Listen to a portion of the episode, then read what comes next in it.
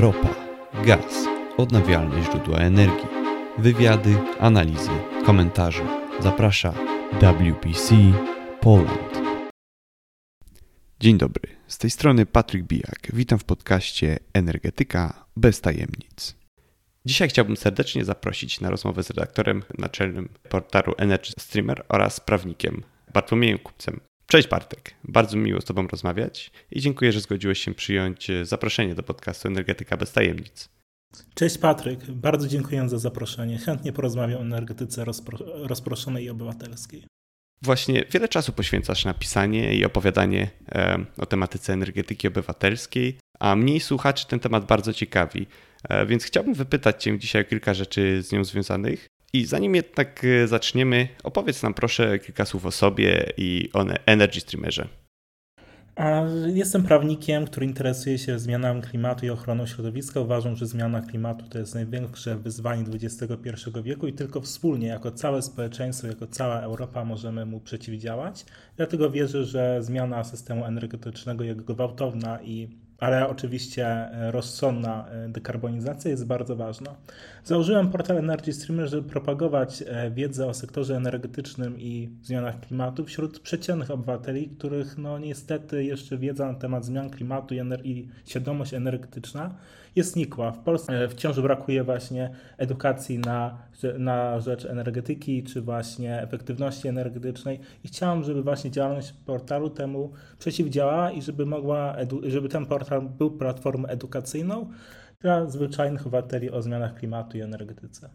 Świetnie, dziękuję bardzo.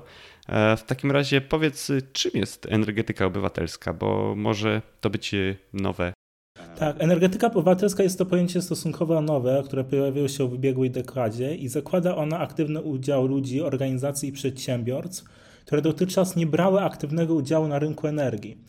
E, mogą one, mogły one właśnie zacząć brać udział e, w rynku energii za pomocą właśnie rozwoju instalacji OZE, które stały się e, w ubiegłych latach coraz tańsze i coraz bardziej dostępne dla przeciętnego obywatela. I dzięki właśnie wykorzystaniu instalacji OZE podmioty te przestają być jedynie biernymi konsumentami energii elektrycznej bądź ciepła, a stają się aktywnymi uczestnikami rynku energii.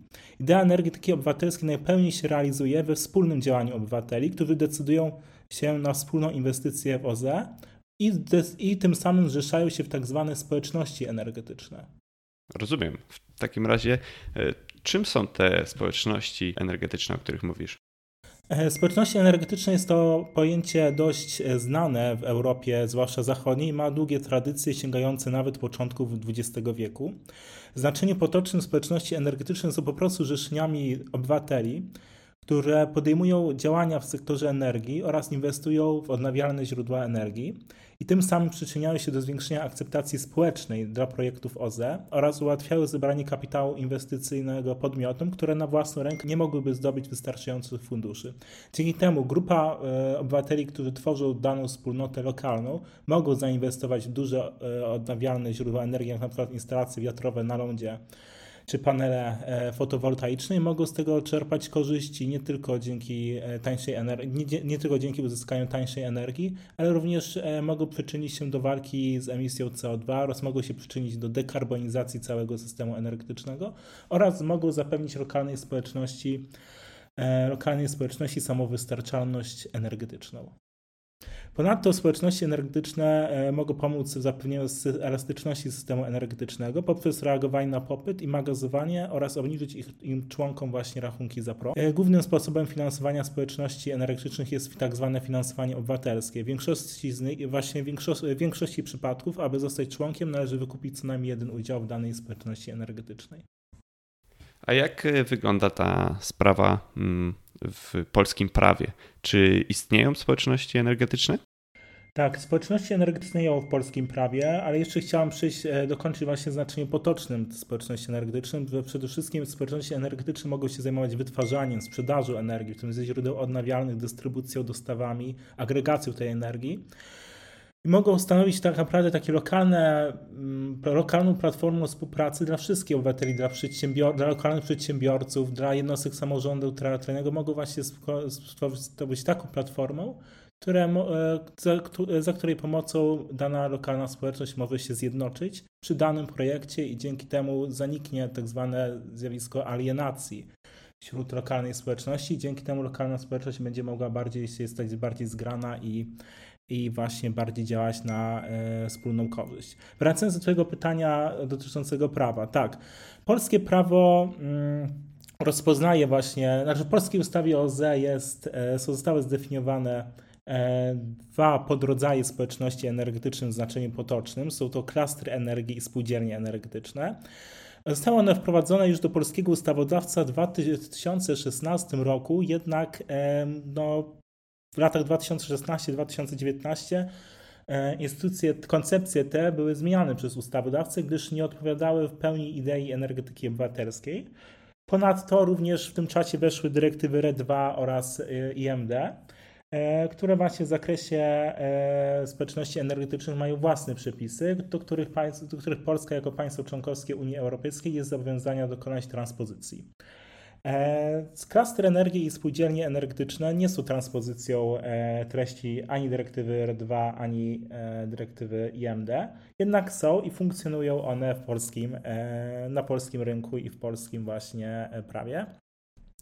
Może przybliżę właśnie teraz definicję klaster energii i spółdzielni energetycznej. No więc tak, klaster energii to jest rozwiązanie wprowadzone na polską cenę energetyczną właśnie e, na podstawie ustawy o OZE.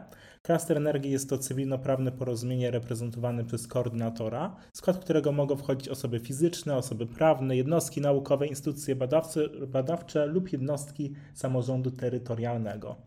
Klaster energii może zajmować się np. wytwarzaniem energii, równoważeniem zapotrzebowania dystrybucji lub obrotu energią z OZE. I klaster energii właśnie jak widzimy, że dzięki szerokiej gamie podmiotów mogących w nim uczestniczyć może działać jako platforma współpracy i optymalizacji potencjału lokalnej społeczności, zainteresowanej nie tylko wytwarzaniem, ale też i zamierzającej opracowywać właśnie nowe technologie w obszarze OZE, bo jak widzimy ustawodawca wskazał, że zwłaszcza, że jednostki naukowe mogą brać udział w klasie energii, co może sprawić, że, mogą być, że klasy energii mogą stawić się swoim hubem technologicznym, który może opracować technologie na rzecz dekarbonizacji systemu energetycznego. Mamy przykłady oczywiście klasów energii, na przykład jest to Zgorzelecki Klaster Energii, który opracowuje e, własne technologie e, OZE, nie tylko zajmuje się wytwarzaniem energii za pomocą instalacji OZE, ale również tworzy tak zwane czyste technologie. Na przykład stworzył, on stworzył niedawno ten zgorzelecki klaster energii e, samochód elektryczny o nazwie Soku, w którym wykorzystano baterię e, e, właśnie baterię e, jonową i pozwala on na przejechanie około 300 km. Jeszcze mamy oprócz klasów energii spółdzielnie energetyczne. Działalność spółdzielni energetycznej polega na wytwarzaniu energii elektrycznej, biogazu lub ciepła w instalacjach OZE, ale, ale jednak wyłącznie na potrzeby własne członków spółdzielni, co oznacza, że spółdzielnia energetyczna nie może sprzedawać energii e, podmiotom, które nie są jej członkami i nie może im dostarczać. Spółdzielnia energetyczna w rozumieniu ustawy OZE może jedynie działać na terenie gminy miejsko-wiejskiej lub wiejskiej, nie może działać na terenie gminy miasta, e, gminy miejskiej, czyli na przykład e, Krakowa. Oraz e, również ma, są inne ograniczenia dla działalności spółdzielni energetycznej, na przykład liczba jej członków nie może wynieść więcej niż tysiąc. Spółdzielnia energetyczna przede wszystkim jej celem jest zapewnienie bezpieczeństwa energetycznego jej członkom, którzy prowadzą skoordynowane działania w ruchu Solidarności na rzecz jej rozwoju. E, istotą jest właśnie jej funkcjonowanie i współpraca oparta na demokratycznych zasadach, co oznacza, że każdy członek spółdzielni jest traktowany w równy sposób i że decyzje podejmowane na głosowaniu podczas walnego zgromadzenia e, są podejmowane przez wszystkich członków, którzy biorą w nim udział, gdyż każdy członek, niezależnie od liczby udziałów, ma jeden głos. E, więc e, co oznacza, że głos każdego członka takiej spółdzielni energetycznej znaczy tyle samo pod względem informalnym oraz materialnym. E, spółdzielnie właśnie mają energetyczne, tak jak już wspomniałem, zapewnić jedynie korzyści tylko swoim członkom, ale również mogą oczywiście one przyczyniać się do, do mm, tworzyć miejsca pracy dla całej lokalnej społeczności oraz może, e, oraz może stworzyć właśnie nowe perspektywy dla mieszkańców, rozwojowe pracy. Członkostwo jest dobrowolne w takiej spółdzielni, otwarte dla każdego, kto chce przyjąć na siebie odpowiedzialność i ryzyko oraz, oraz spełnia przesłanki zamieszczone w statucie danej spółdzielni energetycznej. E, czy w Polsce mamy przykład właśnie spółdzielni energetycznej? Jest to e, spółdzielnia energetyczna, która została założona, w rozumieniu oczywiście ustawy o została ona założona w maju 2011 roku. Jest to pierwsza spółdzielnia energetyczna e, na terenie Polski. Pewnie Państwo się zastanawiają, dlaczego po tylu latach mamy tylko jedną spółdzielnię energetyczną. No właśnie, bo w założeniach spółdzielnia energetyczna brzmi bardzo dobrze. To dopiero zarejestrowana w maju 2021 roku. I dlaczego ona została dopiero teraz e, zarejestrowana? E, tak naprawdę podstawową barierą dla rozwoju spółdzielni energetycznych jest brak rozporządzenia, e, które by właśnie, brak rozporządzenia ministra klimatu, które właśnie by regulowało, jak te spółdzielnie mają się rozliczać wewnętrzne między sobą, między swoimi członkami oraz OSD. I to, I to rozporządzenie miało już wejść w życie w zeszłym roku, jednak wciąż, e, no wciąż prace legislacyjne nad nim trwają. I ponadto również no, istnieje tak zwana bariera mentalna. E, społeczeństwo polskiemu spółdzielnie się głównie kojarzą z PRL-em, co oczywiście jest bardzo bezdurnym stereotypem, gdyż spółdzielnie energetyczne działają w całej Europie Zachodniej, w Niemczech, w Austrii, w Danii, w Belgii i to są potężne społeczności, jak na przykład e, spółdzielnia energetyczna EcoPower w Belgii, która wytwarza mnóstwo właśnie energii elektrycznej za pomocą OZE, ma ponad 3000 e, członków rzeszonych w ramach tej spółdzielni belgijskiej i rzeczywiście ona przykłada się na to, że oraz zapewnia lokalnej właśnie energetyce samowystarczalność, e, przepraszam, lokalnej społeczności samowystarczalność energetyczną. E, no i oczywiście instytucja spółdzielni nie jest nastawiona na zysk, a stoi to poniekąd w sprzeczności ze współczesnymi realiami właśnie w Polsce, w których jednostki podejmują aktywność gospodarczą, aby uzyskać indywidualną korzyść finansową. No to jest jakby, no gdyż to wynika właśnie z uwarunkowań e, społeczno-gospodarczych dzisiejszego świata. E, więc spółdzielnie energetyczne rzeczywiście, mam nadzieję, że spółdzielnia energetyczna, e, ta instytucja, ta koncepcja będzie rozwijana w Polsce i na jednej spółdzielni energetycznej w rozumieniu ustawy o ZE się nie skończy. Oczywiście. E, w założeniach brzmią spółdzielnie energetyczne jak coś, co faktycznie mogłoby pomóc lokalnym społecznościom, szczególnie właśnie poza miastami, gdzie mogą być rozwijane na mm, dekarbonizację i dostęp do tańszej albo na pewno alternatywnej energii niż e, ta dostarczana przez e, dużych dostawców. A jaką rolę w rozwoju społeczności energetycznych mają gminy? Jak one mogą tutaj pomóc, albo czy są tutaj właśnie przeszkodami? Znaczy, zaangażowanie samorządów gminnych jest kluczowe dla rozwoju społeczności energetycznych, gdyż one mogą one pełnić rolę, te gminy, animatorów tworzących warunki dla powstawania społeczności energetycznych Mogą one właśnie zapewnić, żeby współpraca e, obywateli zrzeszonych w ramach społeczności e, energetycznej oraz gmin e, przyczyni się właśnie może ta współpraca do akceptacji dla energii z OZE oraz dostępu do dodatkowych funduszy, co, co z kolei może skutkować lokalnymi inwestycjami. Naturalnym oczywiście najważniejszym e, działa, konkretnymi działaniami, jakie gminy mogą e, właśnie podejmować na rzecz społeczności energetycznych, to to, że gminy mogą zapewnić e, ramy dla projektów OZE rozwianych przez społeczności energetycznych w postaci pomocy administracyjnej, kadr i zasobów organizacyjnych. Zaś lokalne społeczności energetyczne mogą być wtedy odpowiedzialne za kwestie techniczne i zarządzanie ekonomiczne w czasie realizacji projektu. Czyli tak naprawdę może gmina wejść w takie partnerstwo publiczno-prywatne swoiste, które właśnie mogą one wspólnie realizować daną inwestycję w OZE lub inne czyste technologie. Gminy mogą łączyć społeczności energetyczne z potencjalnymi partnerami biznesowymi i projektami oraz ułatwić rozmowę z lokalnymi instytucjami lub właścicielami gruntów. Ponadto gminy mogą również sporządzić mapę miasta pod kątem możliwości i wykonalności projektów związanych z OZE. Ale należy oczywiście zaznaczyć, że podstawowym i najważniejszym zadaniem samorządu gminnego w rozwoju energetyki lokalnej, czyli to się przekłada również na rozwój społeczności energetycznych na jej terenie, jest prowadzenie rzetelnego planowania energetycznego, które powinno zawierać wariantowe na prognozę zapotrzebowania energii opartej na programie rozwoju gminy oraz dokonania oceny poziomu bezpieczeństwa energetycznego gminy. Tylko poprzez stworzenie takich właśnie planów e, energetycznych, zaopatrzenia energetycznego, gmina może wskazać społeczności energetycznej, co należy w jakim miejscu na przykład e, zainwestować, prawda, lub co należy rozwijać w danym miejscu. Więc e, planowanie energetyczne jest podstawowym zadaniem samorządu gminnego i bardzo ważnym dla rozwoju społeczności energetycznych. Mhm. A jakie konkretne działania mogą podejmować gminy na rzecz rozwoju energetyki obywatelskiej? To właśnie to już przez chwilę wspomniałem, tak jak mówię, że pomoc administracyjna, mapowanie e, gruntów, e, rozmowa z lokalnymi przedsiębiorstwami, to już wspomniałem e, poprzednim właśnie, poprzedniej wypowiedzi. Rozumiem. A jak myślisz, y, jak lokalne społeczności są nastawione do rozwoju energetyki obywatelskiej? Czy ludzie raczej chętnie braliby udział w tego typu przedsięwzięciach, czy jednak spotkałoby się to z oporem? Tak, ludzie chcą bierać w tym udział, e, o czym świadczą e, o tym, że inicjatywy klastrowe, klastrów energii powstają w Polsce i spotykają się z żywym zainteresowaniem ze strony samorządów gminy.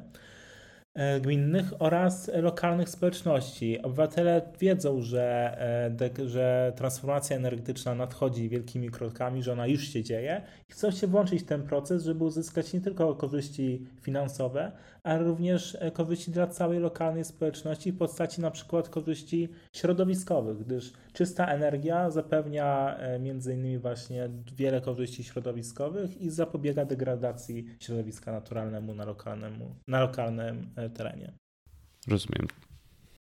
I społeczności energetyczne właśnie mogą przyczynić się do dalszej decentralizacji, demokratyzacji systemów energetycznych, a zatem mogą mieć one pozytywny wpływ na, na zrównoważony rozwój społeczności lokalnych, gdyż tak, gdyż tak jak wspominałem, społeczności energetyczne nie tylko zapewniają tanią energię, ale również mogą zapewnić nowe miejsca pracy, nowe właśnie warunki inwestycyjne, więc rozwój społeczności energetycznej jest korzystny dla całej tak naprawdę infrastruktury czy wszystkich gałęzi gospodarczych e, lokalnej społeczności. A jaki potencjał w Polsce mamy na energetykę obywatelską, na spółdzielnie energetyczne? Czy e, takie inicjatywy byłyby w stanie zapewnić e, dużą część w miksie energetycznym w Polsce i, i pozwolić na dekarbonizację w znacznym stopniu? O, czy jest to jedynie lokalne wsparcie społeczności czy, czy gmin, a nie będzie miało to większego wpływu na generalny miks energetyczny w Polsce.